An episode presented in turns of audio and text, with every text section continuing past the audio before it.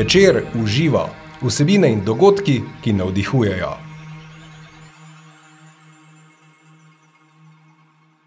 Poslušate novo epizodo podcasta Večer uživa. Dobrodošli. Tokrat se bomo pogovarjali o tem, kako zgodnje otroštvo vpliva na naše življenje. To bo tudi tema enega izmed predavanj na maratonu pozitivne psihologije, ki bo 1. oktober v Mariboru. Vstopnice zanj vas že čakajo na Eventimu. Moj tokratni sogovornik je priznani hrvaški psihoterapeut, ustanovitelj integralne telesne psihoterapije in ustanovitelj centra Naravno starševstvo. Dobrodošel, gospod Tomislav Kuljiš. Dobar dan, lepi pozdrav. Evo, vama Maja i svima koji nas gledaju. Hvala. Kako ste? Delovno? Pa radno, ovo je sada početak nove školske godine, tako da je puno priprema da se sve pokrene, da naša škola za psihoterapeute ponovo starta sa novom generacijom, ali je sve, sve jako dobro i evo, baš me e, zanima ovaj naš razgovor i Mhm. naša tema i opet nova prilika da nešto se čuje više o važnosti ranog razvoja i radujem se i ovom predavanju u Mariboru koje će biti. Tako. Ravno to se pravi, to zgodnje otroštvo, to obdobje, um, to bo tema vašega, uh, vašega predavanja. Tema, je, ko so se pogovarjala, je zelo široka, večplastna. Ne? Uh, res je to zgodnje otroštvo nas zaznamuje, na, ko smo odrasli. Uh, zanimivo je pa tudi, da starši dobro, da poznamo tudi, um, nagovarjate nas pa tudi z vidika staršev, ne, kot, zakaj je dobro, da poznamo te procese, ki se dogajajo v zgodnjem otroštvu. Dajte nam mogoče samo malo uh, namigniti, uh, o čem se bomo pogovarjali v Mariboru, ker pravimo, tema je res zelo, zelo široka in kompleksna ne, in se je ne da zaobjeti kar um, na hitro ne, in na Da. kratko. Biti e, cijela tematika e, ranog razvoja je jedna cijela nova, nova paradigma, ne Ja, toliko nova u smislu spoznaja, nego više u smislu afirmacije i ulaska u mainstream. ja. E, I to traje već desetljećima jer postoji veliki otpor drugih lobija koji u biti su više zastupnici da je sve genetika, ali sad kroz nove spoznaje, pogotovo od sredine 90-ih pa nadalje, kroz neuroznanost, mi puno više znamo i razumijemo koliko rani razvoj i, i attachment ili e, povezanost, privrženost u ranom periodu stvari određuje e, organizaciju mozga djeteta buduće, kojom će se cijela ta cijeli život ta osoba služiti. Organizaciju živčanog sustava, autonomnog živčanog sustava, organizaciju nesvjesnog koje vlada nama koliko god se mi, da kažem, tješili da smo svjesna bića i da sve racionalno odlu- odlučujemo, ali je nesvjesno ono koje u biti odlučuje i, i, i kreira naše odluke. Dakle, to kako ćemo se kako ćemo prolaziti kroz život, kak- kako ćemo se osjećati u životu, da li ćemo mi ili evo sad govorimo možda naša djeca Mhm. biti sretne osobe ili zabrinute osobe ili uvijek u strahu ili e, imati puno konflikata sa drugim ljudima, pogotovo u partnerskim odnosima, koliko će imati jasan osjećaj sebe ili neće znati ko sam i bit će pogubljeni u nekakvom, samo će imati možda dobru masku, Mhm. Uh, kako će dugo živjeti? Evo, taj dio mogu objasniti malo poslije. Znam da dosta dramatično zvuči. Kako će zdravstveno stanje biti? Dakle, puno tih faktora, puno toga je u stvari uh, determinirano tim ranim iskustvima, jer uh, u ranom periodu mi ipak smo jedan nedovršen sistem kao ljudsko biće mhm. koji treba određene preduvjete kroz odnos sa roditeljima, primarno s majkom kao primarnim skrbnikom, dakle određene preduvjete da bi se razvio u svoj ljudski potencijal, odnosno da bi razvio se u ono što, što bismo mi svi negdje htjeli biti, Mhm. ali često nismo dobili ono što smo trebali dobiti i onda nam je život jednostavno teži. Mhm. Se pravi, rekli ste, da je življenje zato lahko težje, oziroma da mi sploh vemo, zakaj se nam ene stvari dogajajo, se je potrebno, ali so to težave v partnerskem odnosu, recimo, ali, ali, ali, ali neke neki drugi izzivi in težave, ki se nam pojavljajo v življenju. Se pravi, vse korenini, vse izhaja iz našega zgodnega otroštva. Ne? Vse. Da. E, naime, ja uvijek naglašavam i na predavanjima i u našoj edukaciji ja. genetsku komponentu nikako ne želimo anulirati. Ona ja, je uvijek tu i postoji određena mhm. predisponiranost. Uh-huh. Postoji koncept epigenetike da, gdje se jasno, da kažem, danas zna kroz znanstveno potvrđene činjenice da je iskustvo roditelja e, i njihov život, a i njihovi predaka u stvari se negdje ugradilo u nas i da, i da mi nosimo određene karakteristike, određene loze, uh ajmo mhm. reći, koja je predaka. Tako da i taj dio je neminovan uh, i mi na terapijama vrlo često jasno dolazimo do nekih stvari koje su određena problematika koja nije iz ranog perioda, nego spada u nešto što je transgeneracijski. uh Tako da taj dio se apsolutno s pozicije i nas kao terapeuta i kao škole prihvaća i priznaje. uh Međutim, u smislu rada na tome i na onog dijela na kojem možemo nešto učiniti i promijeniti, onda nam je ipak fokus na ranom razvoju, jer na epigenetiku ne možemo puno utjecati, niti je možemo puno mijenjati, ali ono što možemo je u stvari e, kroz rad na sebi e, mijenjati svoje rano djetinstvo. Ima ona rečenica od Robinsa, nikad nije kasno da imamo sretno djetinstvo.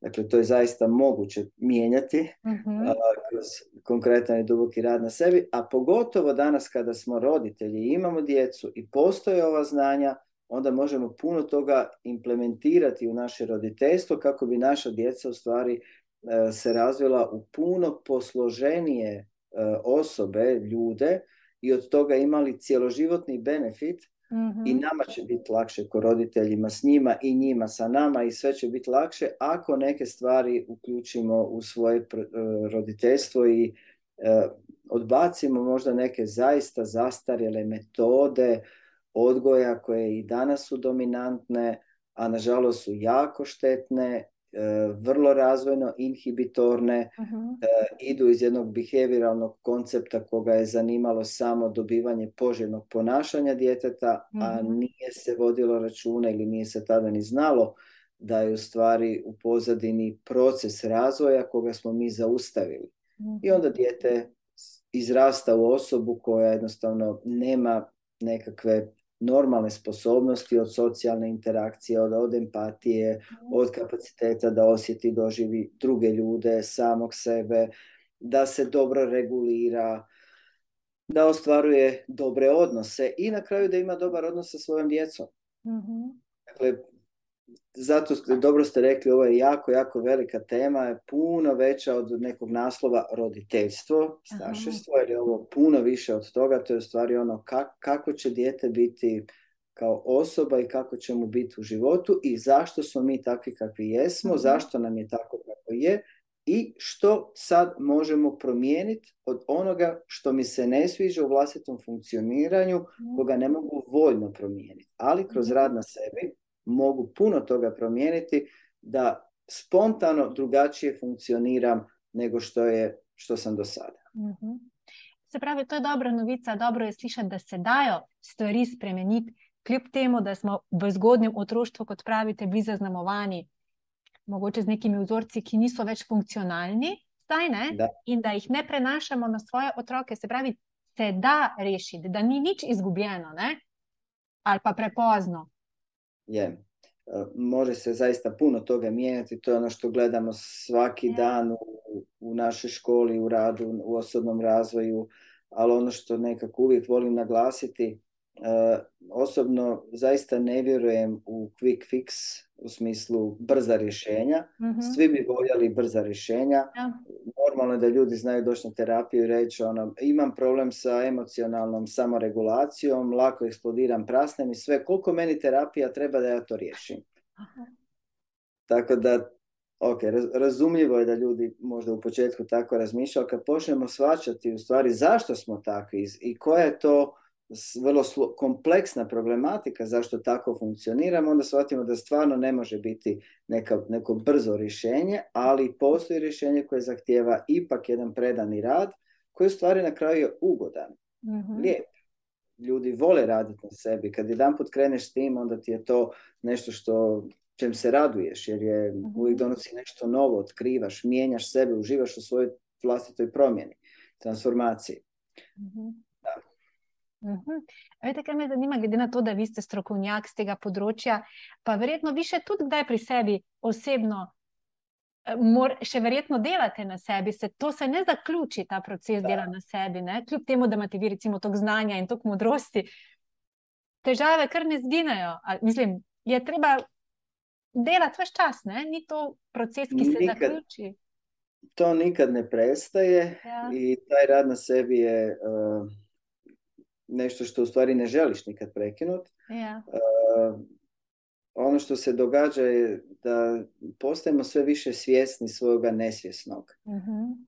A i onda i otkrivamo stvari koje su nastale u ranom periodu koje nam se možda i ne sviđaju. Ali tek kad ih možemo sagledati, prihvatiti i priznati da to imam u sebi, onda u stvari možemo nešto i mijenjati. Do tada, ako je to u području našeg nesvjesnog, onda i mislimo da to i nemamo ili da, da, da uopće nemamo problem i obično mhm. doživljavamo da su drugi problem. Ja. Žena, dijete, muž i da su oni problematični, u stvari ne vidimo da je uvijek problematika uh, u nama ili u našem doživljaju svijeta. Jer svijet je takav kakav jest. mm I ne možemo promijeniti svijet. Ili barem nemamo baš neku veliku moć da promijenimo što nam se ne sviđa, ali možemo promijeniti svoju percepciju i reakciju na to. Pa mhm. opet možda se vratimo u rani period, zašto je tako važan. Uh, djete, djetetova percepcija, doživljaj, nesvjesni doživljaj svijeta se u stvari ugravira u njegov sistem, u mhm. njegov mozak, u njegov neurološki sistem, u njegovo nesvjesno. Ako dijete odrasta sa osjećajem da Dakle, da je njegova percepcija da nije voljeno. mm Ono nastavlja sebe tretirati tako da se ne voli. mm Drugim riječima, e, jedna rečenica iz programa Roditeljstvo i rani razvoj e, glasi mi cijeli život e, nastavljamo tretirati sebe, mhm. odnositi se nesvjesno prema sebi onako kako smo percipirali da su se roditelji odnosili prema nama. I sad percepcija je ovdje ključna stvar, to ne znači da je stvarno tako bilo. Možda je mama silno voljela dijete. mm Međutim, djetetov doživljaj je bio nisi dovoljno sa mnom ili nisam ti važan, moje potrebe ti nisu važne ili ja ti nisam važan. I možda se mama trudila i radila sve najbolje što je htjela, ali ono što je dijete doživjelo je u stvari da uh, jako ja ti nisam bitan. mm Bitno ti je moje ponašanje, bitne su ti moje petice, ali ja unutra ti nisam bitan. I onda nastavljam cijeli život imati isto tako nesvjestan osjećaj ja unutra u biti nisam bitan. I to je nešto što um, nije lako ni sagledat, mm mi možemo čuti ovome, čitati knjige o ovome, ali recimo tek kad imamo neke vježbe koje su konstruirane tako da nas dovedu da to osjetimo, da doživimo u sebi, onda nastupa neko osvještenje, neka promjena i onda se eventualno nešto počinje mijenjati kroz, kroz naredne terapije. Ali evo, opet vidite da pletemo u stvari i terapije, i rad na sebi, i, i rani period, e, i roditeljstvo, jer je to u stvari jedna te ista tema, samo pitanje s kojeg kuta ili s kojeg aspekta je gledamo, da li s pozicije djeteta, roditelja, terapeuta, klijenta, sebe kao klijenta. Uh-huh. uvijek je to jedno te isto. Uh-huh. Zelo zanimivo, zelo, zelo široko. O, o tem bomo torej govorili na maratonu pozitivne psihologije. Uh, nekaj bi še v zvezi s tem, se pravi, no, zdaj, če se še sam malo na, na tem delu, oziroma ozaveščanju tega, teh vzorcev, oziroma ja, ki jih prinešamo iz zgodnega otroštva. in ko jih spremenjamo. Tudi to je v bistvu ni nič narobe, če ob tem čutimo bolečino. Um, te spremembe so boleče. Ne? Da, slažem se, čakam neko pitanje. Ja, ne, ker naj bo to istočnica tri fikice. Mislim, ko marsikdo se tega ustraši in pol preneha, bomo rekli, z delom na sebi ali pa z ozaveščanjem. Mm. Uh, volim reči, da još nikad nikog nisam čuo da, da se pokajao što je uh, sagledao neke stvari. Bilo Aha. da je kao roditelj. Imao priliku da osvijesti da je bio, ajmo reći, nedovoljno ili nedobar roditelj. Uh-huh. Bilo da osvijestimo da sam jako problematičan na neku temu, da imam to i to, a nisam ni mislio da imam, ja sam mislio, imao sam puno bolju sliku o sebi, a sad shvaćam da sam poprilično problematičan na neku temu. Mm-hmm. Ali nikad niko nije rekao da je to, da mu je žao zbog toga. Mm-hmm. Ono, da, to su neke bolne spoznaje. Koje često idu sa plakanjem, sa dubokim žalovanjem. Ja osobno sam kao roditelj se sus, odnosno kroz svoj rad na sebi susretao sa tim gdje sam ja kao roditelj bio baš da kažem, nije se za pohvaliti. Mm. I gdje sam svoju kćer povrijeđivao i znam da sam prolazio kroz duboka kajanja, duboke tuge i plakanja, jer nisam ni, ni pomišljao da su neke moje reakcije ili izostanak reakcija da je to nju toliko boljelo. I onda kad sam shvatio kroz radionice sa mojim kolegama, kolegicama, koje recimo su isto govorile o svojim ili prolazile kroz procesne, procese emocionalne mm-hmm. sa svojim tatama koji su biti, bili isti kao što sam ja, meni je to bilo jako teško proći. Ali ne bih nikako volio da to nisam doživio i to je nešto što me promijenilo i promijenilo i moj odnos prema djetetu mom i, i doživio općenito roditeljstva. Tako da da, ove spoznaje nisu uvijek ugodne, uh-huh. ali su definitivno dobre, korisne i na kraju smo sretni što smo to ipak imali priliku vidjeti. Ali sam svjestan da kod mnogih ljudi postoji strah uh-huh. I veliki otpor da vidim neku svoju nesavršenost uh-huh. ili da se suočim s tim da sam nešto krivo radio i onda postoji nesvjestan otpor i ne želim čuti i neću doći na ovaj maraton i neću kupiti tu knjigu i neću upisati nekakav program, jer u biti šta ako dođem, saznam i onda mislim da se neću s tim, dakle nesvjesno, ovo je sve nesvjesno. Uh-huh. Onda kad počnemo osještavati, onda si, obično bio sam puno puta svjedok ljudi, uh, tog procesa kad počnem sagledava da da postoji otpor, ja. ali postoji dio mene koji ipak želi i onda imam borbu u sebi. Ali na kraju ipak ako ovaj dio prevlada i krenem sa radom, bude mi jako drago. Ja. Ali, je, ali ljudi često govore, ja bi najradije sada pobjegao od ovoga i izletio bi s ovog predavanja i bacio bi tu knjigu, jer ono, diže mi se ono, grozni osjećaj. Evo, to je neki dio koji rad na sebi e, čine da nije jednostavan, zahtjeva dosta hrabrosti ja. i ne samo rad na sebi, nego općenito otvaranje tema kakav sam ja roditelj. Uh-huh.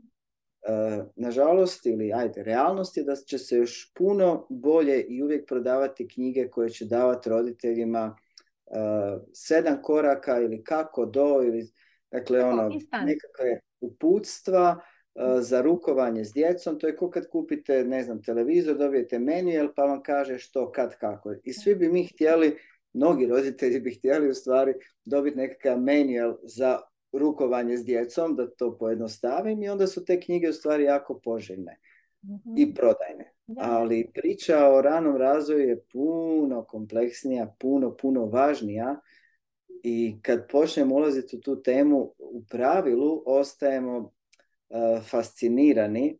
Pa sad ću spomenuti, uh, ako Dakle, Niels Bohr je rekao za kvantnu fiziku da ako niste oduševljeni, onda je niste shvatili. Mm. Tako nekako paralelno volim reći za rani razvoj, ako niste fascinirani sa tim, onda, onda još niste shvatili, jer stvarno tema je uh, fascinantna kad počnemo ulaziti u nju. Odnosno, daj nam odgovore od toga zašto je svijet takav kakav, zašto sam ja, zašto mi je roditelji, zašto je moje dijete, zašto moja žena, muž, prijatelji, šef na poslu, ovo ono, pa onda do zašto su neke povijesne ličnosti bile takve kakve jesu, zašto je svijet takav je, kakav je, Um, tako da kad krenemo razumijevati rani razvoj, u stvari dobijamo puno širu sliku zašto su sve stvari manje više takve kakve jesu, kojima upravljaju ljudi, a postoji nešto u ljudima koji upravlja njima, a vezano je za iskustvo iz ranog perioda. To ste mi zdaj dali tudi eno istočnico, da jo imeva za konec, ko ste omenili, da razumemo z tega vidika zgodnega oziroma eh, zgodnega razvoja tudi razne znane osebnosti ali pa voditelje. Ne? Ko mi pogledamo njihovo, ko spoznamo, kako otroštvo so imeli, ne? oziroma to zgodnje obdobje, tudi razumemo, zakaj so se zakaj so ravnali tako, kot so ravnali, zakaj so se obnašali tako, kot so se. Ne? Nam je tudi je to je. pomembno vedeti, če neko drugo sliko dobimo o teh ljudeh.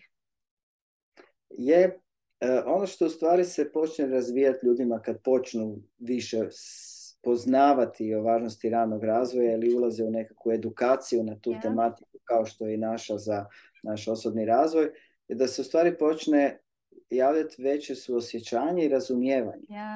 Ja manje osude. Tako. Sad shvaćam da u stvari ne možeš drugačije, da se jednostavno uprogramiran da tako doživljavaš svijet i vidiš i funkcioniraš, bilo da se radi o mom partneru ili šefu ili uh, povijesnim ličnostima uh, i onda, onda jednostavno, evo, nekako kao da dobijemo 3D naočale. Do tad smo imali 2D naočale, a sad ono počnemo do, doživljavati 3D, cijela priča postane onako više dublja i smislenija. Tako da zato kažem da je tema fascinantna. Evo, u biti bih htio na ovom maratonu uh, približiti neke onako bitne uh, aspekte, možda interesantne uh, svakom čovjeku, bilo da se radi o roditeljima mm-hmm. ili nama, ili stručnim osobama koje rade sa djecom ili roditeljima, neke stvari su već postale, e, rekao bih, dio općeg znanja ili dosta su se proširile u društvu, što mi je jako drago u zadnjih 10-15 godina, ajde kažem, svjedok sam toga. Međutim, e, svaki put se ljudi fasciniraju kad počnemo neke nove stvari poznavati, pa evo nastojat ću se, nastojat ću nekakve pikantne momente, da kažem, istaknuti, čisto da se pojavi veći interes za ovu tematiku, jer u sat vremena se ne može naravno reći puno, ovo je nešto što zahtjeva godine, da kažem, i edukacije i, proučavanja, ali uh, bih volio nekako e, zaintrigirati uh, sve koji će biti tu da počnu više postavljati pitanja i tražiti odgovore za zašto je taj rani period toliko važan. Tako.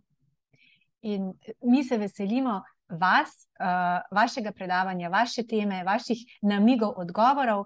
Se pravi, 1. oktober na maratonu pozitivne psihologije. Uh, dobrodošli, spoštovane poslušalke, poslušalci, gledalke, gledalci našega podcasta. Se pravi, 1. oktober se dobimo v Narodnem domu v Mariboru. Uh, ob našem tokratnem sogovorniku, gospodu Tomislavu Kulišu, bodo z nami še Vida Žabot, Alenka Rebula, dr. Robert Oravec in kot sem rekla, uh, moj tokratni sogovornik, gospod Tomislav Kulič. Naj, Kuliš. Naj povem, da uh, vse vstopnice vas že čakajo na Eventimu. Uh, gospod Kuliš, hvala lepa za um, tak srčen, prisrčen pogovor. In jaz sem že zelo radovedna in se res veselim, uh, da se tudi srečamo v živo in um, da v bistvu od vas dobimo to dragoceno znanje oziroma to modrost.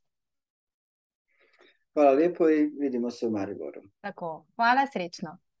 Pozdrav. Še enkrat vas torej vabimo na maraton pozitivne psihologije, ki bo v soboto 1. oktober v Narodnem domu Maribor. Z vami bodo predavatelji Vida Žabot, Alenka Rebula, dr. Robert Oravec in Tomislav Kuliš. Vstopnice vas čakajo na vseh točkah eventima. Dobrodošli! Več informacij o dogodkih in podcastih večer uživo najdete na večer.com poševnica v živo in na facebook strani večer uživo. Tudi tokrat sem bila z vami Maja Furman, srčno in srečno, dok malo.